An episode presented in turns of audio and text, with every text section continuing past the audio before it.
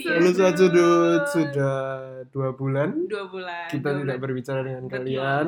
Kembali lagi, gua Tiare. Gua Erik. Nah, dan dan di Kok setelah dua sekali bulan, ya? iya, soalnya udah lama, udah lama. Jadi agak kaku, agak kaku. Jadi setelah dua bulan kita balik lagi nih, Ri. Ya, akhirnya kita lagi. kembali. Nah, kalau misalnya kita melakukan suatu break terus akhirnya kembali lagi, itu pasti ada sesuatu yang baru, sesuatu yang Betul, fresh yang betul. akan disajikan untuk kalian. Tapi tau gak sih banyak kayak teman-teman gue kayak nanya, eh sudut lancip tuh udah nggak ada ya, sudut lancip tuh udah nggak ada ya. Padahal tuh kita lagi menyiapkan project yang baru ya kan. Betul sekali. Itu menyiapkan yang hoax, lebih. hoax, Oh, ya. macam grup WA Oh. keluarga nggak jelas itu ya. Nah, jadi di sudut ini kan sudut empat ya, Keempat, ya? empat derajat, keempat empat. derajat sekarang. Di empat derajat ini kita mengundang eh, tiga. Tiga, Kali ini tuh tiga. tiga. Biasanya kita maksimal dua. gitu. Dari Tapi empat, kali ini tuh ya, tiga. dari empat episode yang terbanyak ya. Ya, dan Gila. semuanya nih eh, Wonder Woman tiga-tiganya. Benar, benar, benar. benar. Avengers. Nah, Avengers. jadi kita mengundang langsung aja. Langsung aja, mereka Langsung aja. kenalin satu-satu lah Oke, ya. kita kenalin satu-satu ya. Yang Silakan. pertama. Tatapannya. ya, apa? Manggilnya apa? Sud- sobat sobat, Sobat Sudut. Oh, ya, sobat sudut. Ya, halo sobat sudut. Ya, namaku eh, ini kenalannya apa? Nama doang. Nama, nama, kuliahnya di kuliahnya mana? di mana? Oh, nama dulunya. nama aku Sisil, terus sekarang udah udah nggak kuliah. Ya, ya udah nggak kuliah. udah udah. Ide oh ya anda ya dulu ya. Nah, udah lulus, Oh, udah lulus. Ya dulu dari College of. Ya, sekolah sekolah pinggiran di Oh. Cari sana. Bahasa Inggrisnya apa, Ci? Eh, National Chongqing University. Jurusannya mungkin? Jurusan finance. Nah, sekarang kerja ya? Sekarang kerja kesibukannya. Kerja di mana boleh di Oh, sekarang lagi Dikit kerja di salah satu perusahaan digital advertising agency. Wah, be- be- bahasanya susah sekali, Be. Gak ngerti. Iya, nggak ngerti. Oke, kita fix aja. Nanti ya, nanti ya. Nanti, Nanti nanti, nanti bisa dikulik lagi lah. Iya. Oke, siap, siap, Lanjut. Lanjut yang nomor dua. Auranya. Waktu memegang mic sudah terasa ya. nomor dua sih? Tadi di pertama Oh, iya. nggak mau. Tadi malu-malu ya, teman-teman ya. Sekarang nomor dua marah sekarang. Ayo Ci, Jadi, kenalin. Halo semuanya, nama aku Monica, tapi karena nama Monica pasaran, ya Us. kan? Jadi aku biasa dipanggil Moy. Nah, aku sekolahnya dulu di National Chengchi University NCCU. Nah, jurusannya Finance Cara Banking. Nah, sekarang kerjanya di salah satu perusahaan sekuritas di Taiwan. Tahu Luar nggak apa itu ngapain? Dari dari nama aja udah egois ya. Nggak mau kayak sama dengan orang lain. ya. Lihat auranya itu sangat Eh besar tapi lu sekali. tau gak sih Cimoy ini waktu gue di masuk Telkom dia yang interview gue. Oh. Lupa. Jahat sekali Iya, ya HR-nya sumpah, ternyata. dia yang interview gue. Mungkin pengalaman-pengalaman sebelumnya bisa dikulik lagi. Iya, nanti ya, nanti, nanti, nanti. Tentang yang ketiga, yang ketiga. Yang ketiga, yang terakhir last but not least. Us, Yang terakhir ini biasanya yang paling auranya paling kuat. nih. Silakan. Halo sobat sudut. Oh. Ya Halo, namaku Pamela. Iya. Kayaknya jarang ya namanya Pamela. Jadi ya namaku Pamela. Terus dulu sekolahnya di Mingsuan. Oh. Sekarang udah kerja di salah satu travel agency di Taiwan. Di Mingsuan ngambil apa, Ci? International Business and Trade. Hmm, luar biasa, luar biasa. Oke, kalau begitu salam kenal semuanya. Nanti tinggal nanti kita ini kan nge-tag nge-tag mereka di. Jadi satu-satu. Siapa tahu kan ini jomblo semua? Saya iya. pasti, pasti. dua dua dua orang ada jedanya ya kita bisa lihat yang satunya itu langsung ya. Jadi Saya bisa mencari yang terbaik. bisa di- bisa didengar ya yang paling haus yang mana ya Langsung ya. Saya ya. sumpah. Oke, lanjut dulu, lanjut dulu. Nah, terus kan tadi eh, kita semua mengundang teman-teman di sini karena sebenarnya ada satu yang sama sih. Karena mereka ini memutuskan untuk stay di Taiwan. Nah, kira-kira boleh diceritain gak, Ci? Waktu memutuskan untuk stay di Taiwan tuh ada apa ya kayak habis kuliah tuh apakah ada pemikiran pemikirannya yang apa lain? dan Iya. kenapa mempertimbangkan akhirnya akhirnya Indian kenapa di decide di Taiwan. Mulai dari aku dulu ya. Boleh, boleh. boleh boleh Silakan. yang paling nyaman gimana? Oke, kalau aku sih emang dari awal pertama kali memutuskan untuk sekolah ke Taiwan itu sebenarnya after graduate aku emang rencananya memang mau kerja di Taiwan dulu untuk cari pengalaman sih sebenarnya. Gitu. Jadi aku mulai mulai cari-cari intern. Nah tapi waktu itu sekolah nggak terlalu bantu dan kayak cari intern susah banget kan jadi pas zamanku itu kayak susah banget cari intern akhirnya aku kayak lumayan kayak down gitu kecewa terus akhirnya aku ngambil sekolah bahasa Mandarin. Nah tapi akhirnya aku untuk eh, apa ya untuk cari kerja after graduate itu aku mulainya lumayan kan graduationnya Juni ya. Aku mulai cari kerja itu mulai dari kayak Maret April gitu udah mulai cari kayak udah mulai apply apply gitu lah. Soalnya memang dari awal sebenarnya simpelnya buat pengalaman sih Buat cari pengalaman ya, Ci, cari ya? pengalaman doang sebenarnya tapi ternyata lumayan suka juga Lumayan suka. Oke. Sorry, waktu itu waktu itu kan dari Cipam sendiri sempat cari-cari intern ya. Pada akhirnya tuh dapet apa nggak waktu itu? waktu itu nggak dapat Waktu itu nggak dapet ya. terus at- lah sebenarnya itu maunya summer intern gitu Hmm. nah tapi aku merasa aku cari-cari sendiri tuh kayak nggak dapet susah banget terus kayak nggak ada koneksi juga kan jadi aku memutuskan untuk ya udahlah nggak usah pulang Indo terus kayak sekolah bahasa aja Sekolah bahasa berapa lama tuh, Ci? 6 bulan ya? Eh, summer kan dua bulan dua Oh, bulan summer lalu summer. waktu itu kan tase jadi aku lanjutin lagi jadi kayak total lima bulan lah Jadi kemampuan bahasa Cipamela ini tidak bisa diragukan lagi ya sekarang. ya. Luar Sudah biasa. buku buku-buku tinggi ya. Taiwan. buku itu tidak menun, menun apa me, me, me- itulah tidak tidak tidak Menentukan. terlalu, tidak menentukan lah buku seberapa itu. jago. Eh, yang penting berani lah sama ya harus dipakai terus berarti kata-kata buku itu jendela dunia itu salah berarti ya, Ci? wah itu tergantung orang Aduh, takut, takut. Tidak bisa membalas ya. Aduh. Oke. Kalau Cimoy gimana Cimoy?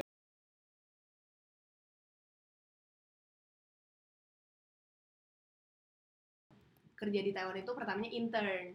Pertama summer intern dulu abis summer intern terus habis itu dilanjutin intern. Nah summer internnya waktu itu di salah satu accounting firm. Hmm. nah abis itu internnya di salah satu bank. Nah tapi pengalaman intern aku ini malah ngebikin aku pas aku lulus aku ngerasa kayak gila lo yakin mau kerja di Taiwan? Karena waktu itu environmentnya Taiwanese company banget gitu. Oh justru malah timbul pikiran kayak gitu Iya ya? malah gue waktu itu sempet Oh. setelah gue lulus nih gue udah ngeplay ngeplay job yang ada di Indo Oh. gitu. Nah jadi gue kayak mikir ah udahlah kalau misalnya memang mau rencananya ke depannya long term emang di Indo, udah gue balik Indo aja. Hmm. Soalnya dari pengalaman intern kok kayaknya kondisi company-nya terlalu Taiwanese dan kayak agak kurang cocok gitu sama gue. Hmm. Sorry ya, aku bisa potong bentar ya. Ka- Kan dari Cimoy sendiri kan mikir kalau misalnya environmentnya Taiwan itu agak agak agak susah untuk adaptasi ya. Eh, Atau gimana? lebih ke arah sebenarnya sih mau seberapa jago pun Mandarin lu, lu tetap orang luar kayak gitu. Di Oh. mata mereka lu tetap eh, Dianggap remeh? outsider gitu. Enggak sih kalau misalnya dianggap remeh sih sebenarnya enggak. Cuman Hmm. kayak mungkin lu ke- nggak gitu ngerti jokesnya. ya Blend in-nya kan? itu agak susah ya. Iya, blend in-nya agak lebih susah kayak gitu. Nah, itu sih salah satu konsiderasi gue waktu itu untuk Hmm. eh, mutusin apa mau kerja di Indo atau mau kerja di Taiwan. Hmm. Tapi memang kenapa akhirnya milih kerja di Taiwan ya yang pertama karena eh, nggak memungkiri gajinya, ya kan. Oh. Gajinya di Taiwan memang lebih besar daripada di Indo dan yang Hmm. kedua adalah karena kebetulan ada opportunity-nya kayak gitu. Hmm. Jadi dua sih alasannya. Yang pertama karena memang waktu itu gajinya oke dan yang kedua karena memang udah ada nih kesempatan di depan mata kenapa nggak diambil aja. Lagi-lagi teman-teman alasannya duit. Son son son. Aduh. Memang kalau orang-orang finance memang seperti itu. ya. Lelah bong itu. Berarti per- pekerjaan pertama Cici itu lanjutan dari internnya Cici atau beda lagi kerjaannya? Hmm, Beda. Beda, tapi Beda memang satu industri, semua satu industri industri. finance. Ah, Benar-benar suka sama angka ya. ini. duit soalnya Duit. duit, Kepepet. Kalau dari Cicisil sendiri. Asik, nah ini dia nih. Kalau aku sih eh, pertama mungkin sebagai seorang murid Indonesia yang bersekolah di Taiwan, pasti kan kita semua punya eh, idealisme lah. Kalau Hmm. misalnya udah datang kuliah ke Taiwan, kenapa nggak kerja di sini? Karena kalau misalnya kita mau pulang Indo kan sebenarnya kapan aja bisa pulang kan, tapi kita Hmm. belum tentu kapan aja bisa balik Taiwan buat kerja. Jadi di tahun terakhir kuliah mulai mulai cari intern. Terus karena aku wak- waktu kuliah kan eh, bidangnya finance. Jadi pas intern itu eh, carinya ada hubungannya sama finance. Mm-mm. Nah, musibahnya Kok langsung musibahnya? Waduh, waduh. musibahnya abis intern di tahun terakhir itu mulai mulai merasa kalau misalnya wah kayaknya finance bukan suatu industri yang aku pengen lanjutin Hmm. jadi istilahnya pas waktu aku lulus pengen pindah ke uh, memulai jenjang karir di bidang yang lain di industri yang lain Hmm. ya habis itu waktu itu sempat kepikiran kalau misalnya aku banting setirnya pas habis lulus kemungkinan kalau daftar di perusahaan di Taiwan itu bakal banyak masalah. Pertama mungkin yang Cimoy bilang gimana pun kita tetap aja outsider kan. Terus waktu lulus uh, aku udah mutusin aku mau pindahnya ke bidang uh, advertising dan branding. Hmm. apalagi di bidang seperti itu yang kita bermain dengan sosial media bermain Hmm. dengan tren-tren anak muda istilahnya. Hmm. kalau misalnya kita nggak bisa blend in sama culture kan pasti sangat susah, Susah, banget kan. nah terus uh, waktu itu akhirnya keputusan akhirnya ya udah aku daftar aja semua. Jadi di Indo perusahaan advertising branding apa di Indo juga daftar di Taiwan juga daftar. Dan ya mungkin nggak tahu emang jalannya atau gimana tapi akhirnya yang di Indo pun bahkan nggak keterima gitu. Terus yang keterima malah yang sekarang aku kerja ini kayak gitu.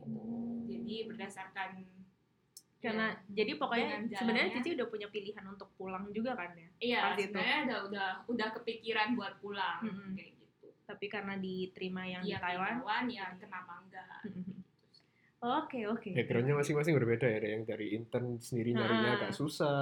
Ada yang dari intern sendiri mengetahui bahwa environment Taiwan itu agak berbeda. In-nya benar. agak susah. Yang terakhir juga menyadari pada akhirnya kayak Mm-mm. apa? Finance itu bukan sesuatu yang dia inginkan ya dari Mm-mm. awal ya. benar benar benar nah terus kalau gitu dari Cici Cici berarti jurusannya sama nggak ya? Kalau Cimoy kan udah pasti sama kan sama kerjanya kalau Ci beda. Beda ya? Ah, itu karena memang Cici sebenarnya pengen passionnya ke yang branding itu ya? iya. Advertising and Oh. branding. Kalau Cipen luar biasa Auranya waktu megang mikrofon selalu berbeda sobat Ini ngawur sudut. ya ngawur kalau aku sih nggak tahu menurut kalian sama atau enggak kalau menurutku awal-awal berasa kayak waduh terjunnya beda banget ya dari IBT langsung ke travel agency tapi Hmm. waktu aku curhat-curhat ke orang lama-lama orang juga bilang enggak juga sih pam kamu travel agen- agency kan soalnya titleku project planner Mm-mm. jadi aku juga harus cari aku juga harus kayak communicate sama klien juga Cara eh, away marketingnya iya juga. cara marketing juga ada sih sebenarnya terus salesnya juga ada jadi sebenarnya mungkin masih nyambung-nyambung aja sih masih nyambung nyambung Iya, cuman kalau lihat dari industri sih memang terlihatnya sangat-sangat jauh gitu. tapi masih bisa ngikutin lah ya Ci berarti ya sebenarnya kan ilmunya juga ya mirip-mirip gak sih kayak manajemen bagian manajemen Iya, Project benar-benar. planning Uh, lain-lain ngeplan gitu. ngeplan gitu Mm-mm. sih sebenarnya. Soalnya aku percaya kalau meskipun kayak uh, kalian uh, misalnya jurusannya udah finance ya, tapi kalau misalnya udah terjun ke tempat company yang lain meskipun finance, tapi dia pasti ada ketentuan-ketentuan yang tiap company pasti punya ketentuan beda-beda gitu. Hmm. Jadi sama aja kalian juga harus belajar lagi after kalian punya jurusan itu terus ke kerja sama aja sih pasti semuanya harus belajar lagi gitu. Hmm. Adaptasi juga dengan perusahaan Iya. itu kulturnya gimana juga. Benar-benar benar. Nah, terus suka dukanya nih Ci kerja di tempat yang sekarang kira-kira apa tuh? Sukanya, Cimoy dulu. sukanya dulu deh. Dari Iya. Cimoy kok langsung mukanya langsung duka ya tadi barusan. Untung ya, nggak tapi nggak nggak belum video ya teman-teman ya. Kalau ada videonya mungkin dari perusahaan sendiri bingung ya. Gak kuat. Banget ya. Gimana gimana Ci? Sukanya, Sukanya ya. dulu, sukanya dulu. Sukanya sih sebenarnya eh, bisa ngerasain kerja di Taiwan bareng sama orang-orang yang culture-nya beda. Dan kebetulan sebenarnya aku kerjanya nggak cuma sama orang Taiwan, nggak cuma sama Hmm. orang Indo, Hmm. tapi kita kerja sama beberapa orang dari eh, dengan nasionalitas yang beda, nationality yang beda juga. Kayak gitu sih sebenarnya experience untuk kerja cross border, cross cultural itu yang pertama. Terus yang kedua sukanya itu hmm, apa ya? Gaji kan Oh tadi iya, makasih loh udah diingetin. Bisa dikat, bisa dikat, bisa dikat. Kalau ada jatuhnya makin mikir. Iya, sukanya yang kedua ya udah gajinya aja lah ya. Gajinya. Gua- Iya, gaji mungkin dari segi package-nya juga lumayan. Terus kalau dukanya sih sebenarnya mungkin career path kali ya. Career path-nya yang Hmm, jenjang agak karir kan? iya, jenjang karirnya karena orangnya terlalu kompetitif jadi Susah. agak sikut-sikutan kayak gitu. Hmm. Cuman mungkin ini nggak cuma dialamin sama kita yang di Taiwan, pasti di Indo juga di kantor mana pun pasti ada lah ya Hmm. sikut-sikutan jilat bos ya kan. Tapi kalau kayak gitu ada ada faktor karena kita orang luar gak sih Ci? Eh, enggak sih, karena gue kebetulan punya temen nih ya orang Taiwan. anggaplah negara lain selain Ah. Indonesia negara pip. Oke, Ya. oke. Bisa disensor, bisa disensor. Iya, bisa di- bisa disensor ya. Oh, Bisa bisa disensor, bisa hostnya- disensor. hostnya bagus, hostnya bagus. Disensor. Oh, bisa disensor. Terus. Sebutin Iya. aja kalau Oh, apa bisa jadi disensor. boleh, boleh, Boleh, Boleh, bisa disensor, Oh, bisa iya. disensor. Jadi gue punya temen eh, kebetulan negara itu pinter banget ngejilat bosnya sampai kalau misalnya bos gue habis dijilat mejanya bisa dielap. Waduh, waduh, waduh, waduh. Iya kan? Waduh. Begitu ya. Serem juga. Terus terus. Iya, jadi jadi sebenarnya nggak nggak memungkiri kalau misalnya orang luar itu nggak bisa eh, nggak Hmm. bisa maksudnya nggak bisa ngejilat Smite. bos iya Hmm. nggak cuman masalah faktor language barrier sih sebenarnya lebih ke arah kemauan dan tipe bos lu juga gitu Hmm. jadi sebenarnya dukanya ya paling sih itu career path doang harus lebih ekstra Mm-mm. Siap, siap. Kalau Ci Sisil? Ini suka dulu ya. Suka Iya, dulu dong, suka suka dulu, suka dulu. Yang sukanya sih yang Nggak boleh sama ya, Ci? Iya. Oh iya. iya. Ini peraturannya banyak banget. Ya, kalau sama perusahaan kalian sama dong kalau begitu ibu. Eh, sukanya sih yang pasti akhirnya bisa ngerjain sesuatu yang aku suka gitu Hmm. ya di di bidang advertising di bidang marketing terus karena juga eh, belajar banyak sih karena mungkin aku dari bukan background ini kan jadi Hmm. benar-benar belajar dari nol terus baru tahu ternyata eh, banyak hal yang bisa dipelajari kayak Hmm. gitu misalnya contohnya marketing itu ternyata nggak melulu soal duit loh kayak gitu Hmm. kita bisa kita nggak cuman eh, engage sama orang buat beli produk kita tapi kita juga sebenarnya bisa share value bisa impact impact society kayak gitu terus sukanya ternyata kerja di environment mungkin karena industri yang beda sama Cimo ya menurut aku di industri aku meskipun bekerja sama orang Taiwan tapi industrinya bener-bener fun gitu bener-bener free bener-bener open bener-bener fun. Terus banyak banget eh, resource dari perusahaan yang bisa dipakai untuk jenjang karir ke depannya. Kayak misalnya kan aku di digital advertising terus kita juga kayak sering ke training ke Google kayak Facebook gitu-gitu. Hmm. jadi resource-nya lumayan open buat semua orang sih Banyak opportunity lah ya, Ci berarti ya. Iya, banyak opportunity. Dukanya, dukanya. Lupa jadi dukanya. Oh, sekarang sekarang udah masuk ke duka. Dia Oh, ter- atau masih sukanya masih ada? perbedaannya terlihat ya kalau gitu ya. yang satu cepet banget masuk dukanya, yang satu lama emang sukanya ya. Kelihatan, kelihatan, kelihatan.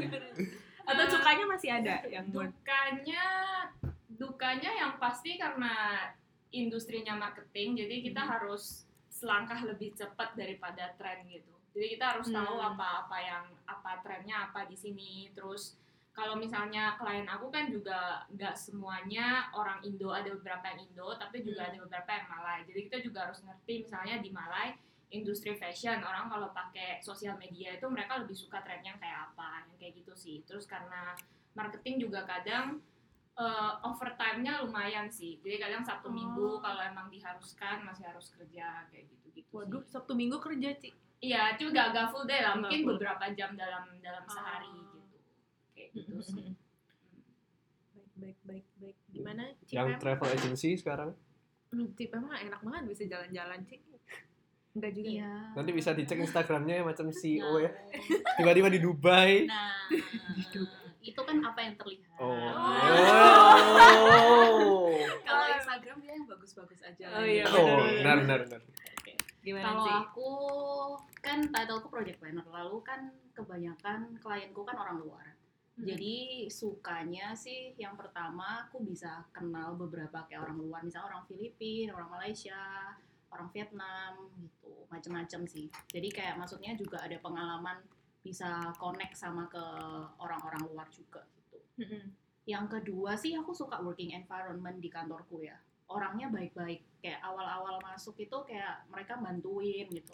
Mereka suka bantuin terus habis itu hmm, kalau aku nggak ngerti ya kayak aku tanya kalau ada solusinya gitu. Until now gitu mereka friendly sih gitu. Yang ketiga sebenarnya gimana ya? Karena aku juga suka travel. Jadi kayak juga Ya, ada enjoy aja kesempatan sih. untuk kayak dinas keluar kayak gitu juga kayak aku suka lah soalnya aku orangnya nggak suka kayak di kantor mulu gitu maksudnya eh Agak stres ya kalau misalnya di dalam kantor terus ya anggapannya. ya kayak kayak agak gimana Jenuh- gitu jenuh ya ya, jenuh iya ya. sebenarnya nggak jenuh-jenuh banget sih sebenarnya lebih suka di kantor juga cuman eh, kalau misalnya ada pengalaman maksudnya ada kesempatan untuk keluar aku juga suka untuk keluar gitu gitu sih mungkin sukanya Apalagi digaji ya, Ci ya. oh iya yang sama kayak Moy lah ya gaji gaji Gaji. Iya, iya, gaji. Itu yang biasanya orang ingin-inginin sih sebenarnya kan. Iya, idaman setiap orang ya. Tuh. Oke, kalau itu Duka, sukanya duka. banyakin lagi lah sukanya Oh, apa lagi ya? Kok jadi Apalagi ya? Yang kasihan yang pertama dong ketahuan. Duka, duka, duka. Sukanya cukup segitu lah. Oh, cukup. Dukanya yang pertama kantorku itu di luarnya nggak ada apa-apa. Jadi Hah? kayak susah cari makan. Oh gitu. Soalnya aku di HQ di headquarternya tuh di daerah Nehus itu kan. Terus habis itu di keluar di tempat-tempat lain itu susah cari makan, tapi di bawah ada kayak kantin gitu sih. Cuma Hmm. lama-lama bosen ya kayak gitu terus itu dukanya mungkin yang kedua oh mereka tuh suka ngadain sangke gitu kayak Oh, training training training. training Oh. dan trainingnya tuh selalu ada nggak peduli kamu orang baru atau orang udah kamu udah manager udah asisten manager tetap aja gitu mereka sangke sangke dan masalahnya ya gitu kayak lumayan hensinku sih kayak lumayan Wasting capek time. juga soalnya after sangke kamu harus kayak paukau nah terus semuanya tuh pakai Mandarin gitu nah Oh, kan sumpah. semuanya pakai Mandarin jadi kan aku tuh backgroundku dari sekolah kan aku international student ya Mm-mm. jadi Hmm. semua tuh pakai Inggris gitu Mm-mm. nah jadi bener-bener baru kerasa pas masuk kantor itu bener-bener baru kerasa Mandarin tuh kayak bener-bener yang karena bahasa-bahasa Mandarin yang formal gitu aku kurang paham Hmm. kayak tulisan-tulisan kayak bahasa Mandarin yang tulisan gitu aku kurang paham nah sedangkan awal-awal karena baru rajin ya awal-awal ya jadi awal-awal training itu aku minta dulu ke renjennya aku minta dulu ke XR-nya boleh kasih aku PPT-nya dulu nggak yang mau disangkain apa gitu Mm-mm. terus aku translate satu-satu pakai Inggris tuh Ah. sebanyak itu jadi aku kayak eh, eh. Kita masukin background musik sedih ya bisa. tapi lama-lama udah kayak kebal udahlah udah biasa ya udah ya sangka ya sangka gitu Tapi- Jadi jadi bisa ngikutin sekarang Ci kalau misalnya tanpa dapat PPT sebelumnya. Eh, bisa bisa lumayan bisa, Bisa lah dari ya, du- dari kes dukanya dukanya mungkin itu bagus untuk orang-orang Taiwan ya kayak memang Hmm. mereka kayak enak gitu dapat ilmu lagi gitu kalau aku aku kayak belajar Mandarin lagi lah jadinya. ya ada duka ada sukanya juga lah ya dari Maksudnya kesusahan kayak itu ada hikmah yang bisa iya didapat kan. iya iya benar-benar kayak gitu biasa. sih. Nah, kalau gitu coba dong Cici-cici uh, sharing waktu awal setelah lulus itu step-stepnya kayak gimana bisa dapat kerja. Ini mungkin buat teman-teman yang baru mau lulus sekarang ya kayak kita yang bingung-bingung pengangguran. iya Hashtag di rumah aja. hashtag di rumah aja Nah, itu gimana tuh dari proses mungkin ngurus dokumennya setelah dapet Piacensu ngapain dari dari habis macam. interview dapat email keterima confirm lah ya Iya, terus Gimana? kayak tentang work permit atau mungkin tips and tricks apa ngejawab interview dan segala macam itu kan banyak banget kan Mm-mm. teman-teman yang Eh, mungkin dari awal buat cari kerja ya. Hmm. Mungkin kalau cari kerja sebenarnya banyak banget sih platform yang bisa dipakai. Misalnya Taiwan kan kita ada beberapa platform lokal kayak Ilis Ilis, hmm. atau yang III itu, Hmm. itu juga bisa. Terus untuk kalau misalnya targetnya perusahaan multinasional ya mungkin juga bisa cari langsung ke LinkedIn atau misal ke website website eh, itunya mereka Mm. website perusahaan. Terus kalau misalnya buat teman-teman yang sekarang udah intern, mungkin juga bisa tanya bisa tanya ke Tongse juga kan mereka tuh gimana. Jadi dulu soalnya eh, aku kan intern yang waktu di masih di bidang finance itu, aku Hmm. aku tuh intern di salah satu kayak startup inkubator gitu di Taiwan. Ya jadi di situ eh, sering social networking sama orang-orangnya. Jadi kayak juga bantu-bantu tanya, eh misalnya kalau aku mau ke advertising agency ada rekomendasi nggak perusahaan-perusahaan lokal. Nah, Hmm. mereka tuh bakal kasih tahu kayak gitu. Atau misalnya mereka punya kenalan pun mereka bisa bantu kalian buat refer ke perusahaannya Mm-mm. kayak gitu. Jadi mungkin selain cari di internet, mungkin juga bisa gunain resource yang ada di, Hmm. di sekitar kita gitu. building networking lah ya berarti ya. Iya, itu juga. Terus ketika udah dapet eh, perusahaan, udah keterima nih, itu sebenarnya tuh sangat-sangat gampang sih. Soalnya apalagi buat perusahaan yang punya HR itu biasanya udah ada dokumen yang sangat jelas. Oh kalian harus gini, gini, gini, gini. Jadi tinggal bawa surat-suratnya pergi ke imigrasi, terus udah deh, udah pasti bisa dapat eh, itu apa namanya eh, working visa. Mm-mm. Terus biasanya yang teman-teman takut itu kan kita ada istilah kayak perhitungan fensu gitu kan buat working visa kayak harus di atas berapa ya Cimo? 70 ya di atas 70 buat ngedapetin itu. Tapi sebenarnya untuk mencapai 70 itu nggak sesusah yang dibayangin kok. itu rata-rata aja pasti bisa 75 ke atas jadi sebenarnya Hmm. nggak usah nggak usah terlalu takut dengan itu. Lebih takut dapat kerjaan apa enggak? Hmm, kayak gitu. untuk masalah dapat working visa atau enggak ya itu sebenarnya nggak usah terlalu Tapi rata-rata company bakal bantu untuk apa dapat ngajuin visa working permit. nggak? Iya pasti bantu. Jadi pilihannya tuh cuman biasanya kondisinya tuh cuman ada dua, either perusahaannya itu terlalu kecil sehingga mereka nggak bisa kasih working permit ke ke orang, Orang luar. luar, Hmm. atau mereka bisa. Kalau mereka bisa ya semuanya pasti diurusin sih. Ke- kebanyakan sebagian besar pasti diurusin. Hmm. Nah kalau misalnya mereka nggak bisa kasih working permit ke orang luar ya ya mau gimana lagi mungkin omset mereka belum mencapai standar atau apa kayak Hmm. gitu sih. Mungkin kalau dari Cimoy bisa tips and tricksnya lah dapat kerjaan, dapat intern tuh gimana dulunya? Oh kalau misalnya dapat intern, gue dulu pertama dapatnya dari kontak Taiwan. Nah jadi sebenarnya kontak Taiwan ini platform yang lumayan bagus banget karena ngasih opportunity buat orang-orang talent-talent luar buat dapat kerjaan. Nah sebenarnya intern pertama gue di Deloitte itu dapatnya dari kontak Taiwan.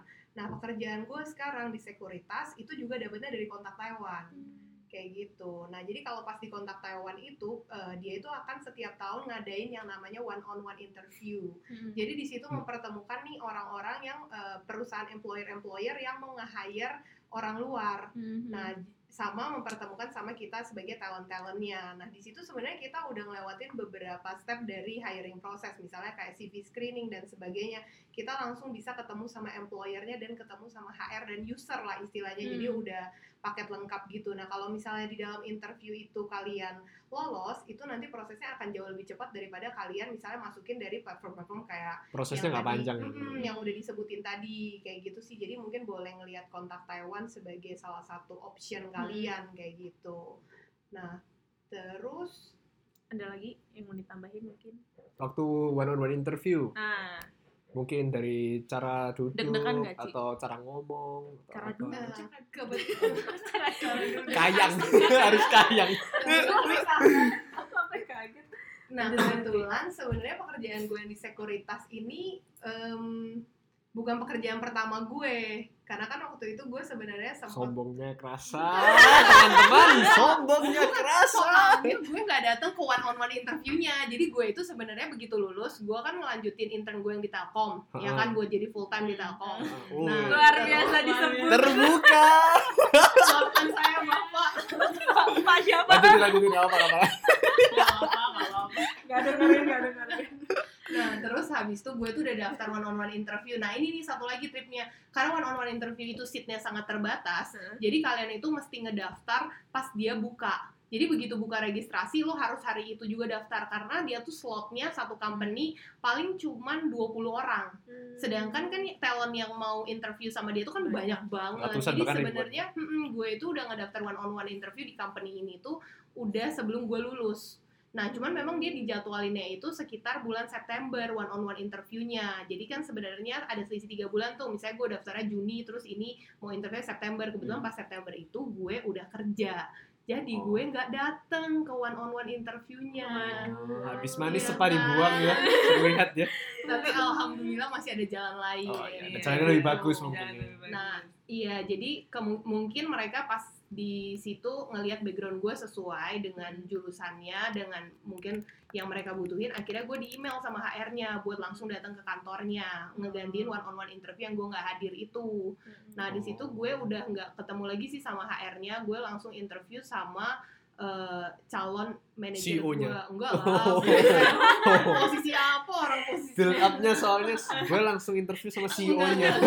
calon Oh. Nah, oke. jadi interviewnya langsung sama calon usernya, sama head departmentnya kayak gitu. Hmm. Jadi ya mengurangi beberapa step lah lumayan. lumayan ya, Iya, ya. jadi boleh ngelihat kontak Taiwan Kontak gitu. Taiwan. Terus kalau pas interview di di Taiwan sendiri sih sebenarnya tips and triknya paling eh, pastiin aja kalau misalnya lu emang interest sama company-nya karena pertanyaan yang paling sering ditanya adalah kenapa lu mau kerja di sini, ya kan? Historinya harus dipelajari dulu sedikit lah ya. Iya minimal lu pernah buka websitenya, minimal Hmm. lu tahu ini company-nya tuh bidangnya apa dan kalau bisa sih ngomong juga kalau misalnya apa sih yang bisa lo kontribusin ke company ini, jangan melulu tanya apa sih yang company ini bisa kasih ke gue tapi coba tanya ke diri lo apa yang bisa lo kasih ke company ini Hmm. gitu nggak apa-apa lah manis-manis dulu di awal biar Hmm. diterima ya kan luar biasa luar biasa ya paling gitu sih Hmm, oke Dari nah Cipam. kalau Cipan gimana aku lanjutin ini deh kalau Sisil kan tadi udah jelasin tentang kayak eh, gimana working permit segala macam Hmm. nah sebenarnya Moy gue juga dapat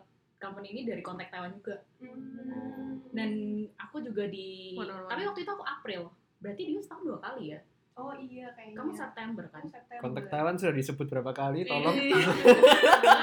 bisa kontak balik ke sini. even, even kontak Taiwan tuh kontak ke companyku terus Hmm. dia kayak ngajak aku interview gitu. Jadi kontak Taiwan tuh datang ke companyku karena ada yang masuk gitu loh. Heeh. jadi kan aku dapat company ini dari kontak Taiwan. Heeh. nah jadi kayak kontak Taiwan nih kontak ke companyku terus kayak ngajak aku interview. Oh. Ngerti? Ngerti ngerti Ngerti, Kayak- ngerti, ngerti, kayak gitu kayak gitu. Jadi memang bener-bener kayaknya ngefek banget sih ini. Acara ini ha, acara ini. Gitu. Aku mau share tentang apa ya? Terserah Cici ada mau share apa tentang oh kalau aku ngurus waktu itu- dokumen mungkin? Mungkin ngurus waktu dokumen ya? Ngurus dokumenku minta dokumennya banyak banget sih waktu itu oh iya ijazah SMA diminta iya Oh iya? iya iya iya ijazah SMA diminta berarti yang Terus translated kakak Mandarin NPWP. Inggris boleh kok Inggris. Lah. NPWP nggak perlu NPWP enggak lah ini halo halo udah keluar. Enggak Enggak. Kan tanya kan saya nggak tahu. oh iya maaf maaf Kan saya nggak tahu. ya. Kok dimarahin saya? ijazah SMA, ijazah kuliah. Oh terus kalau karena yang tadi Sisil bilang kalau misalnya ada fans fans itu kan dia minta eh, bukti kalau kamu pernah belajar Mandarin. Hmm. Oh, Nah itu juga di- diminta. Terus ARC pastilah ya. Apalagi ya? Oh TOEFL, aku diminta TOEFL. Oh, diminta TOEFL. Oh, soalnya mungkin di bidangnya Cipam sendiri kan juga internasional kan. Iya, jadi gitu. aku butuh Inggris sih waktu itu. Hmm. Tapi kayaknya memang diminta Emang at least. TOEIC. Hmm. Kalau di Taiwan at least TOEIC. Nah, dia minta kayak Inggrismu kamu ada apa gitu. Jadi aku kasih TOEFL waktu itu. Udah expired nggak apa-apa loh. Iya. Hmm. Oh ya? Iya, Iya, juga expired loh. Punya aku expired. jadi Ayo, yang kan penting Semua. Dia nggak dia nggak minta dia nggak minta yang baru gitu. Nggak. Dia nggak minta yang baru. jadi yang penting Orang Indo semua sama kelakuannya. Even yang Mandarin punya itu kan aku nggak pernah nggak pernah pakai HSK atau apa ya. Iya. Terus dia pernah tanya kan pernah, pernah belajar Mandarin di mana? Aku bilang di salah satu sekolah gitu. nah, Di sekolah Mandarin pokoknya. Terus dia bilang ya udah gitu. Nggak boleh ya kalau dia disebut bilang ya udahlah minta yang buktinya itu aja nggak apa-apa. Oh ya udah aku kasih itu. Nah tapi Hmm. karena aku first foreigner yang masuk ke company ini jadi jadi oh, sumpah? iya jadi HR-nya tuh kagak ngerti. Jadi jadi harusnya Kagak nih dia udah bukain aku surat nih dia bilang harusnya misalnya tanggal waktu itu aku masuk tanggal berapa ya? tanggal belasan Juli ya Heeh. atau awal Juli. Dia bilang nih lu masuknya tanggal awal Juli ya nah terus setelah itu ternyata gara-gara TOEFLku sama dia nggak ditranslate pakai Mandarin deh kalau nggak salah Oh. jadi punya aku diundur gitu sampai akhir Juli aku baru bisa masuk oh gara-gara working visa gara-gara working visa Oh. Hmm. strict sih lumayan tentang Iya, iya. working visa tapi maksudnya yang penting kan ada bukti kalau Cici pernah Iya. belajar iya iya TOEFL dan itu Iya. kan ya. Oke oke oke. Nah masuk nih ke topik selanjutnya. Yang membuat kalian sama itu kan nggak cuman dulu pernah kuliah di Taiwan terus akhirnya dapat kerja di Taiwan. Nah, yang membuat kalian sama itu juga itu kalian adalah wanita-wanita kuat yang tidak apa ya Strong. kena badai pun masih tetap bertahan di Wih, Taiwan walaupun dengan kesusahan lumayan tersinggung ya. Loh, loh, loh, loh. Wah, konotasi konotasinya bukan begitu konotasinya bukan begitu soalnya iya, iya. Ini cowok soalnya yang ngomong. Ini cowok. walaupun dengan kesusahan-kesusahan apa banyak kesusahan yang ada kan tetap bertahan dan akhirnya nemuin kerjaan nah menurut kalian sendiri itu satu-satu ya dari kalian ya menurut kalian apa sih arti women empowerment Gak boleh sama ya. Alhamdulillah gue yang pertama. pameran dulu kalau gitu Pamer- silakan silakan silakan silakan silakan silakan silakan Iya. Oh. Eh, kalau menurut gue kan eh, memberdayakan perempuan ya. Hmm. Jadi sebenarnya eh, sebagai seorang perempuan kita itu kan punya peran peran dasar. Misalnya kamu so- akan menjadi seorang ibu, kamu akan menjadi seorang istri, ya kan? Hmm. Kalau misalnya laki-laki dia akan menjadi seorang ayah dan akan menjadi seorang suami sekaligus pencari nafkah. Mm-mm. Nah, tapi karena kita sekarang di era yang sekarang kita berhasil memberdayakan perempuan, maka perempuan ini memiliki satu lagi posisi nih.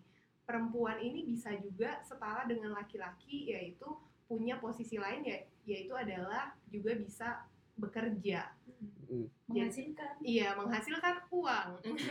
Lagi-lagi uang sudah disebut 10 kali dengan Moy barusan. Bank Indonesia, Bank Oh, Indonesia. Bank Indonesia tolong tolong. Saya diterima untuk menghitung uang kalian. Lanjut, Iya. Gitu sih sebenarnya memberdayakan perempuan itu sebenarnya menambahkan satu lagi peran perempuan di dalam masyarakat jadi perempuan itu nggak cuma melulu gue bakal cuma jadi ibu rumah tangga nih ngurusin anak-anak lo gue cuma bakal jadi istri lo nih ngurusin sikat gigi lo baju Hmm. lo dan sebagainya Ngurusin Gue sikat juga gigi. bisa, iya Ngurusin sikat gigi. Bulunya mencong dikit. kan mana tahu disiapin gelasnya Oh, iya, iya, iya, iya. Kan. Ibu rumah tangga yang baik Nah sekali itu ya. untuk laki-laki di luar sana mungkin Wife material ya. Ada yang mau sikat giginya saya siapin Sikat gigi. Nah, iya jadi kita juga sebagai wanita bisa berkarya di kantor. Mungkin kita punya peran yang lain, misalnya jadi seseorang manajer atau menjadi lebih bahkan dari seorang manajer di kantor kayak gitu. Baik, baik, baik. Sisil, Cisisil dari Cisisil. Asik. Kalau menurutku woman empowerment itu lebih ke arah sebenarnya sesimpel seorang cewek setiap cewek itu mereka bisa speak up mereka bisa meraih apa pun yang mereka mau tanpa takut social judgment Hmm.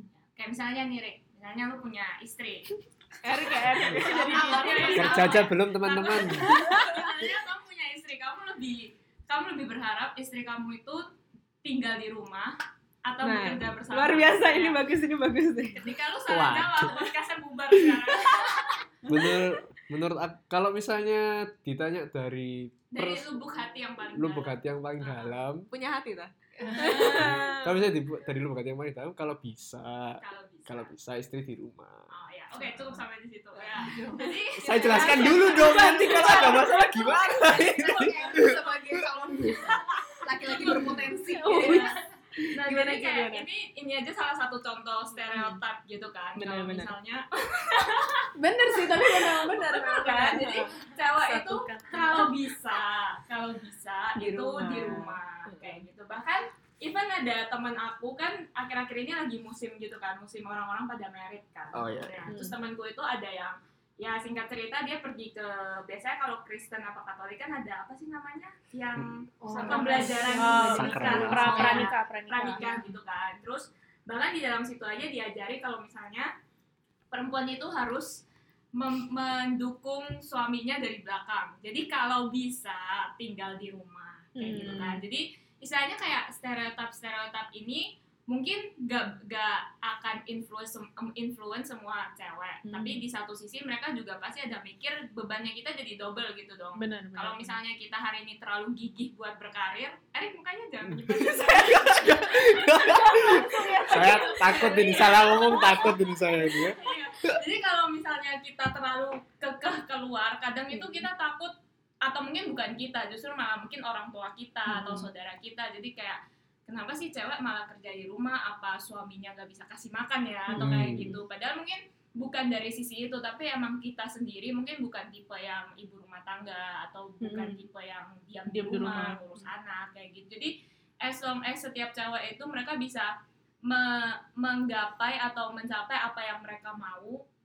Biarpun in the end yang mereka mau itu jadi rumah jadi ibu rumah tangga ya juga fine gitu loh asalkan itu bukan karena social judgment atau stereotip yang membuat mereka berubah pikiran tapi karena mereka sendiri pengen kayak gitu gitu kan Erik ya Iya ya benar benar benar sekali benar sekali. Iya. Yang penting nggak dikekang sih ya Ci ya. Kalau Iya. menurut aku sih gitu. Karena semua cowok pasti memang punya pemikiran kayak gitu sih. Mau Hmm. istrinya di rumah Di rumah. ngurusin anak. Karena kan Hmm. kalau kita pergi anak nggak ada yang ngurus gitu kan istilahnya. Iya. Cuman yang penting jangan ngekang Iya. Erik.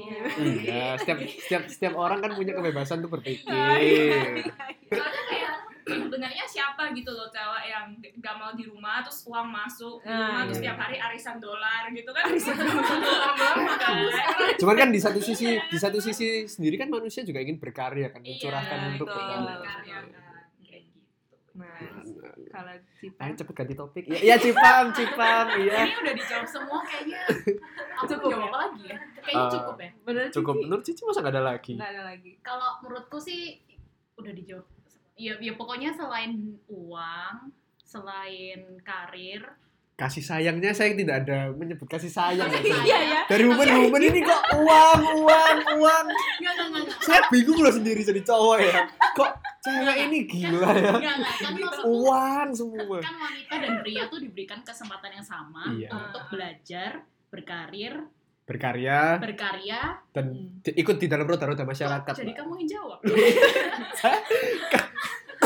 Enggak, enggak. Kalau misalnya ngomongin kasih sayang ya, kalau misalnya aku punya anak, aku nggak mungkin tinggalin anakku demi karir juga sih. Pasti kita bakal Pasti kayak ada time spend- management Iya, ya. jadi mungkin awal-awal kalau misalnya anakku masih kecil banget yang butuh butuh di apa ya Sayang. dilindungi disayangi gitu ya pasti aku ada di sana. Meskipun sekarang banyak suster mbak-mbak kayak gitu kan Hmm. ada kan. Eh, Saya tambah saya tambahkan ya, saya tambahkan. sorry sorry sorry.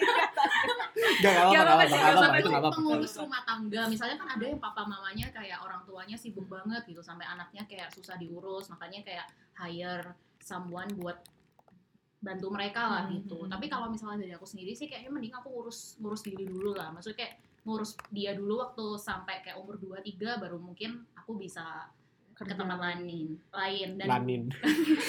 deg-degan. aku sampai. Pamela pikirnya Nah, panjang tenang, banget. tenang, tenang, Iya, Cila, iya, tenang, Cila. Dua tiga tahun kok. Tenang gue sikat gigi yang ini apa? Tenang Soalnya tenang. aku juga punya kayak dulu pernah coba-coba online shop Oh. Jadi kalau misalnya kita online shop sambil ngurus anak kan juga asik tuh. Kayak Iya. sambil cuman kayak ngeliat-liat HP toeng-toeng gitu kan. Iya. Terus sambil ngurus anak. HP-nya macam. Mario ya. Iya, gitu sih. Simple. nah terus Ganti biasanya nih topik, ganti topik. belum masalahnya ini masih masih justru karena ada momen empowerment ini biasanya tuh ada stereotype kalau wanita itu akan dianggap susah dapet jodoh kalau misalkan kita karir dan studinya terlalu tinggi nah itu Menurut pandangan pandangan kalian Cici gimana? gimana tuh Dari tentang Cipan dulu lah. Mulai dari aku Ya, lah ya. dari dari iya. Cipan dulu. dari Cipan. nggak boleh sama ya ya. Dari Cipan Enggak dulu. ya. Kalau menurutku sendiri sih eh mungkin enggak enggak terlalu Enggak ya? ngefek sih kalau menurutku. Kalau mungkin zaman dulu mungkin iya ya. Kalau zaman sekarang tuh kayaknya enggak deh. Soalnya orang-orang kayak kalau misalnya meskipun misalnya cowoknya S1, ceweknya S2. Kalau mis tapi kan kalau cowoknya udah punya pengalaman kerja, Mm-mm. maksudnya kayak gimana ya ngomongnya? Eh, nggak harus sih, nggak nggak belum tentu kayak susah cari jodoh juga sih. Kayak cowok-cowok sekarang pun kalau misalnya ceweknya S2 juga mereka proud gitu loh. Belum Hmm. tentu kayak mereka down gitu. Jadi kayaknya Gimana cowok? gimana kalau Gimana kalau Habisin satu-satu dari ceweknya.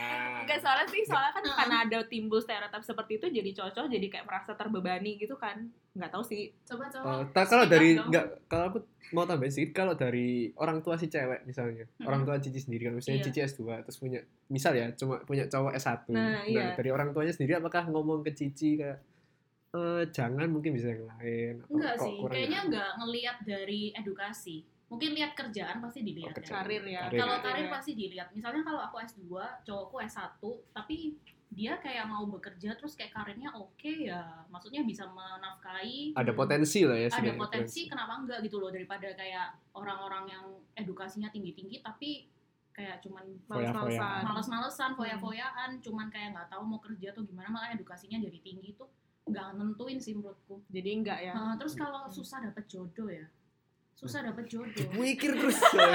Gila agak gitu susah ya sih? Kayaknya juga enggak menurutku enggak sih? Enggak ya. Menurutku enggak? Oke, cuman ya kalau misalnya kamu anu ke karir jangan karir terus gitu. Cum- cobalah maksudnya kayak membuka diri lah Tinder sosial lah. Tinder gitu.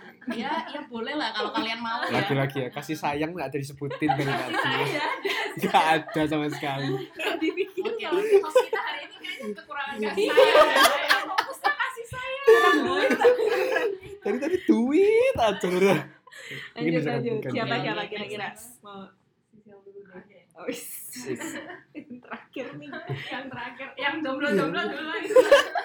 gimana sih gimana sih Eh, mungkin kalau hubungannya karir dengan jodoh, eh, aku pribadi percaya kalau misalnya apa pun yang kita lakukan di saat kita level up diri kita, kita Hmm. juga pasti akan ketemu dengan eh, pasangan atau orang-orang yang Hmm. sama levelnya sama kita. Jadi Hmm. kalau misalnya kita cewek, kita pengen kita pengen cowok yang pinter, kita pengen cowok yang misalnya level CEO, level manager, Hmm. tapi kalau kita sendiri gak level up sampai sana, menurut aku bakal susah sih Hmm. punya kesempatan untuk menemukan seperti itu. Jadi untuk mendapatkan seseorang yang kita harapkan sampai di level tertentu, kita juga harus make sure kita juga mendekati atau mungkin lebih baiknya juga sama dengan dengan level mereka itu yang pertama terus yang kedua eh, jodoh nggak jatuh dari langit sih. Us. harus dicari Iya, juga iya, ya. dicari, iya, harus kayak open ya. Harus Iya, open. Harus jangan close. Jadi kalau misalnya contohnya kayak kita ikut ini sudut podcast terus kita dipromosiin oh aku kira kamu bilang kita ketemu cowok. Oh enggak. Enggak memang memang ntar ntar memang memang, memang, memang kalau kalau ngomongin kerja memang kalau ngomongin kerjaan tuh kayak mukanya lesu sedih ya. kalau ya. ngomong jodoh anak cowok cewek kerja di rumah atau cewek bisa kerja lah semangat semua istimewa. Kelihatan ya yang Kelihatan, kelihatan. jadi pokoknya harus open. Ya harus harus open Nggak menutup diri. gitu ya. Jadi istilahnya eh, kan setiap orang pengen punya apa ya pasangan yang hebat. Pasti Hmm, pasti hmm. pengen lah. Tapi eh, istilahnya dua dua gelas yang kosong waduh. Wih. waduh. dua. Gimana Tulis, tulis. Inggrisnya apa Inggrisnya dua dua two gelas. empty glasses. Dua gelas yang kosong dua gelas yang kosong itu nggak mungkin saling memenuhi satu sama lain jadi kalau misalnya kalian mau punya gelas yang penuh, kalian harus menuhi gelas Diri kalian dulu dulu. dan begitu juga pasangan kalian. Kalau kalau misalnya gelas kalian kosong dan kalian berharap pasangan kalian nuangin sesuatu ke gelas kalian supaya kalian sama-sama setengah, ya di menurut kalian kalian gain gitu. Tapi pasangan kalian kan kehilangan sesuatu dan apa itu tujuan kalian kan juga bukan kayak gitu. Sisil bangun saya jam biasa. 3 untuk latihan coach ini gila gila Gitu. pressure-nya kalau gitu di Moai ya harus Iya, ada iya, coach aduh, yang sama ada kalau gitu spesial. tadi gue dulu gimana sih kalau dari cewek gimana Kalau gue ngejawabnya tadi kan pertanyaannya eh, susah atau nggak susah ya? Iya. Kalau menurut gue sih nggak susah. Tapi memang ada beberapa halangannya. Nanti gue jelasin. Kenapa nggak susah menurut gue? Karena secara al- alam bawah sadar kita itu sebagai orang, kita tuh cari orang yang satu frekuensi sama kita. Hmm. Ya kan, nggak mungkin kan kita misalnya nyari orang yang yang nggak nyambung sama kita. Jadi secara nggak sadar kita tuh udah ngefilter lingkaran kita sendiri. Jadi dia dia inilah calon-calon yang sikat giginya bakal gue pencet.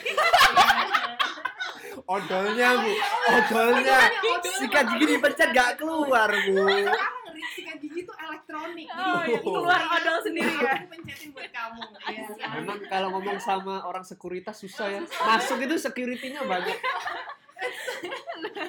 Lu di luar filternya. sorry nih aku udah di luar circle gue. Bisa Iya. lanjut jadi lanjut. sebenarnya susah atau nggak susah sebenarnya nggak susah. Karena secara alam bawah sadar kita udah ngefilter orang-orang yang satu frekuensi sama kita. Cuman kalau misalnya kita memang bekerja mungkin kita itu waktunya lebih sedikit untuk cari orang yang Hmm. satu frekuensi sama kita. Itu masalahnya sih. Tapi sebenarnya kalau susah nggak susah sih nggak susah. Dan terus habis itu mungkin stereotip laki-laki terhadap cewek bekerja pasti mikirnya kayak yang tangguh nggak asik nggak bisa manja-manja. Jangan Kata mukanya ke saya dong Oh, iya. tolong ya. Tolong. Kok sangat menyindir sekali barusan itu ya? Tapi kan itu stereotipnya kan. Kalau wanita stereotype. tangguh kayak kayaknya kurang asik deh nggak bisa Iya. dibawa gila-gilaan bareng. Kata siapa? Tadi kan uh, Wah. untuk saya gila. Kan menurut gue definisi memberdayakan perempuan itu kan sebenarnya perempuan sebagai ibu rumah tangga juga sebagai pekerja kenapa gue harus milih kalau gue bisa ngerjain dua-duanya? Gue bisa loh jadi ibu rumah Keren ya, tangga yang yang mengurusi anak lo yang menyayangi lo tapi gue juga bisa loh jadi seorang wanita karir yang menambahkan tabungan kita bersama Wow, gila gila gila. Gila, gila. segera daftarkan diri anda di hotline di bawah ini Ntar one on one call ini ya, interview sama si Moy. Barusan menutup topik yang sangat bagus ya dari coachnya barusan Lu ya. sampai terdiam Oh, ya. iya saya nggak bisa ngomong Ini tuh saya kita kayak lagi nyerang R gitu. Iya, iya. Nah.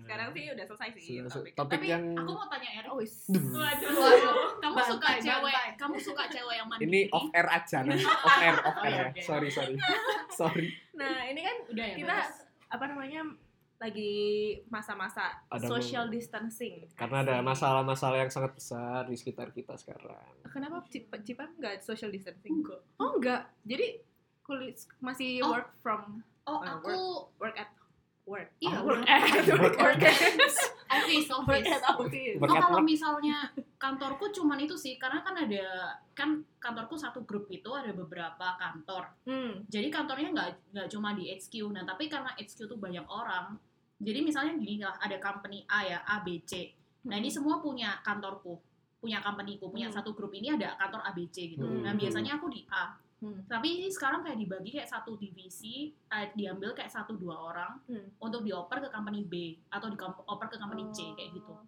Jadi tujuannya untuk kayak tujuannya kalau misalnya satu orang dari divisiku kena, at least nggak semuanya kena gitu. Jadi ada yang bantu, Jadi yang ada yang cover ya. ada cover yang dari yang di company B yang nggak kena itu. Jadi kalau misalnya next ada ini kayak virus-virus ini Kasus. udah udah hilang, udah mendingan gitu, Baru yang B ini bisa bantu. Jadi Itu jadi doang Cici masih tetap Masih pergi ke kantor Iya. berarti ya. Heeh. Oke oke. Nah kalau Cimoy gimana Cimoy? Iya kurang lebih sama sih. Jadi Oh, gue juga sama. masih kerja di kantor. Terus habis itu kalau di gue sih karena dia kan satu gedung, terus beberapa lantai. Nah itu ada memang pertukaran orang per departemen gitu. Jadi misalnya gue departemennya di lantai 14, gue ntar tukeran sama orang yang lantai 3, 4 kayak gitu. Hmm. Tujuannya sih sama kayak yang tadi Pamela bilang kalau misalnya nanti tiba-tiba ada suspected corona di gedung kita akan di lockdownnya per lantai. Dan Oh. kalau misalnya gue udah di lantai, misalnya gue di lantai 14, gue nggak boleh ke lantai lain gue jadi nggak Hmm. boleh jalan-jalan ke lantai lain gitu nah jadi untuk meeting internalnya nanti kita semua lakuinnya secara Online. online, Online. iya semua pakai online atau misalnya phone call kayak gitu Jadi dari sih. Cipong sama Cimoy sendiri bisnis activity-nya masih ada ya dari perkantornya masing-masing kayak gitu ya? masih ada masih Normal masih ya? tetap Normal kerja ya? masih tetap kerja kayak gitu cuma memang kalau di area kantor harus menggunakan masker nggak boleh dicopot nggak boleh dicopot iya ya. nggak boleh dicopot terus habis itu setiap lantai di ini dikasihin uh, alkohol gitu jadi disemprotin alkohol Hmm. tangannya doang badannya enggak Oh ya nggak diminum nggak diminum. Kalau Iya, si Sisil Si gimana? Sisil? Eh, Masih kerja juga sih. Senin besok ada simulasi sih. Simulasi. Kasihan sekali ya orang-orang ini. Simulasi, simulasi. Terus eh, beberapa minggu ini juga nggak ada banyak perubahan sih masih kerja. Terus Hmm. misalnya masuk kantor pasti ngukur suhu sama bersihin tangan pakai alkohol Hmm, kayak hmm. gitu-gitu sih. Jadi emang tapi bedanya mungkin kalau kita di kantor nggak pakai masker sih orang-orang. Oh iya iya. iya nggak pakai masker. Oh, oh. Gak pakai masker. Jadi kalau misalnya di kantor semua masker dilepas, mungkin pas keluar doang sih pakai masker pakai. kayak gitu Mm. sih. Terus apa lagi ya? Gak, gak beda sih, cuman lebih ke mungkin banyak klien yang lagi Krismon mungkin ya. Jadi Hmm. emang Oh. emang campaignnya lagi berkurang kayak gitu. Mm. Cuman kalau dari kerja sendiri sih nggak banyak yang berubah sih. Hmm, Berarti nggak nggak yang sampai kayak di Indonesia yang hashtag di rumah aja gitu nggak ya? Cici ya? Nah sih buktinya kita Paling weekend. sini sekarang. Oh iya benar juga ya. Dan kita di sini kan memang sengaja kita kumpulin untuk menghibur sobat sudut yang social distancing. Iya, tapi Oh. ternyata- Iya iya gitu. kita gitu. mempertaruhkan nyawa kita untuk Gak ada yang kena, gak ada yang kena masih di sini bu. Iya iya oke Mungkin- deh kalau gitu. Kalau misalnya cici cici cici sendiri kan gak ada yang social distancing. Nah Hmm. kalau mungkin dari beberapa kita ada yang mungkin ada yang agak, agak sakit, agak down, agak imunnya agak turun, atau beberapa teman-teman kita yang di Indo juga harus social distancing. Apa sih? Mungkin kayak bantu ngom bantu apa yang ngomongnya ya? Kayak campaign. campaign gitu lah. Hmm. Apa sih kayak misalkan setelah kan walaupun Cici nggak social distancing, kira-kira apa sih yang ngelakuin apa yang membuat Cici Cici juga prevent corona ini tuh apa gitu? Gimana? eh yang paling aku nggak ada background di medical ya jadi aku nggak tahu kira-kira gimana sih cara melawan virus kayak Hmm. gitu cuman ya mungkin dari kesehatan sih kayak sering cuci tangan Hmm. terus keluar pakai masker sebenarnya yang ditakutin kan bukan ya kita juga beresiko kena tapi lebih menakutkan lagi kalau misalnya kita itu menjangkitkan ke orang lain Hmm. kayak gitu kan terus mungkin uh, ada yang berubah menjadi lebih baik sih jadi kayak mikir eh gila ternyata dulu lumayan jorok banget ya kayak kita Hmm. dulu sehari cuci tangan pasti bisa dihitung dengan jari kan Hmm. tapi sekarang kan tiap kali pulang kita langsung cuci tangan terus mungkin uh, banyak makan buah kayak gitu Hmm. jangan pergi keluar makan yang buffet buffet gitulah lebih lebih ke kita menjaga diri sendiri dengan menjaga diri sendiri kita juga menjaga orang lain kayak Hmm. gitu sih Oke. Cimoy Cipem ada mau ditambahin? Iya paling preventnya sih eh, ini ya jangan panik buying ya. Oh, iya. Related to Wah. economy again ya. Cuan. Soal, soalnya kalau misalnya kita mau berlindung dari virus ini yang perlu cuci tangan nggak cuma kamu loh, tapi orang Hmm. lain juga perlu cuci tangan. Kalau lu Hmm. beli semua detol di di, di toko supermarket X, ya kan? Iya, Nanti iya. yang lain nggak cuci tangan, lo doang yang cuci tangan. Jadinya tetap aja nanti virusnya bakal Bisa nempel nyebar. di tempat-tempat yang ya di tempat-tempat public space Hmm. gitu. Oke. Cipem Aku tambahin deh eh, banyak minum vitamin C. Wih. Aduh, wah material banget sih. Iya, Suruh imun minum. imunnya itu masa habis makan pagi itu minum vitamin C atau Mm-mm. habis makan siang minum vitamin C meskipun ka- kadang kan kita sok-sokan gitu adalah gue kuat kok gue nggak sakit gue nggak batuk nggak pilek apa Mm-mm. tapi kan ada namanya imun kan nggak ada yang tahu gitu. terus mungkin maskernya jangan ditaruh sembarangan ya Eh, iya, Iya. kayak situ kalau ya. di iya kalau misalnya di meja atau di apa gitu takutnya nanti kena orang malah nularin Atur. udah nggak bermaksud Udah udah kayak maknya Erik beneran gila diomelin. Oke deh kalau gitu thank you Cici Cici Thank semuanya. you Cici, Sama-sama. Cimoy, Thank you, thank you thank you. Semoga ini uh, episode kali ini bisa menghibur teman-teman. Pertama mengedukasi. Jangan edukasi. TikTok dulu ya Cici mau TikTok kan? kan aku maksudnya aku lihat semua orang Kan Oh iya benar benar benar. Tapi daripada kita ngeliatin hal-hal yang gak penting kan mending Iya. dengerin sudut podcast. Yang mengedukasi, menghibur, Iya. ya kan. Nah, gitu deh. Oke. Di, kalau biasanya di gitu. terakhir-terakhir ini kita suruh bintang tamunya semua itu ngomong itu kan apa namanya tagline. tagline-nya kita. Oke, Benar. ajarin dulu, ajarin dulu. Sudut lancip. Melancipkan pikiran tidak berarti menumpulkan akhlak. Apa Bukan- itu artinya? Indonesia itu, itu Indonesia. Pikiran Iya, Melan- bukan melan- menumpulkan- sorry, melancipkan pikiran bukan berarti akhlak. menumpulkan akhlak. akhlak Nah, Akhlak. jadi orang yang pintar itu belum tentu berakhlak Berakhlak buruk. bagus. Oh, Berakhlak, berakhlak itu kan bersifat Iya. yang bagus kan. Jadi orang pintar tuh belum tentu berakhlak baik Iya, Berakhlak betul. Bareng-bareng lah, bareng-bareng ngomongnya. apa tadi Apa? tagline-nya Melancipkan Melancipkan. pikiran. Bukan kalian berarti. kalian mau bilang sudah Kita ya nanti Yes. kita ngomong. Ya. Nanti Erik yang ngomong, Erik yang ngomong. Melanjutkan pikiran tunggu diulang sekali bukan berarti Eh, menumbuhkan akhlak Ya. Terlalu banyak ekonomi lo emang. iya penuhan di satu, satu, dua, tiga. Sudut, Sudut lancip. lancip. melancipkan pikiran bukan berarti menumpulkan akhlak Thank you, Oke, teman-teman. thank you. Bye-bye.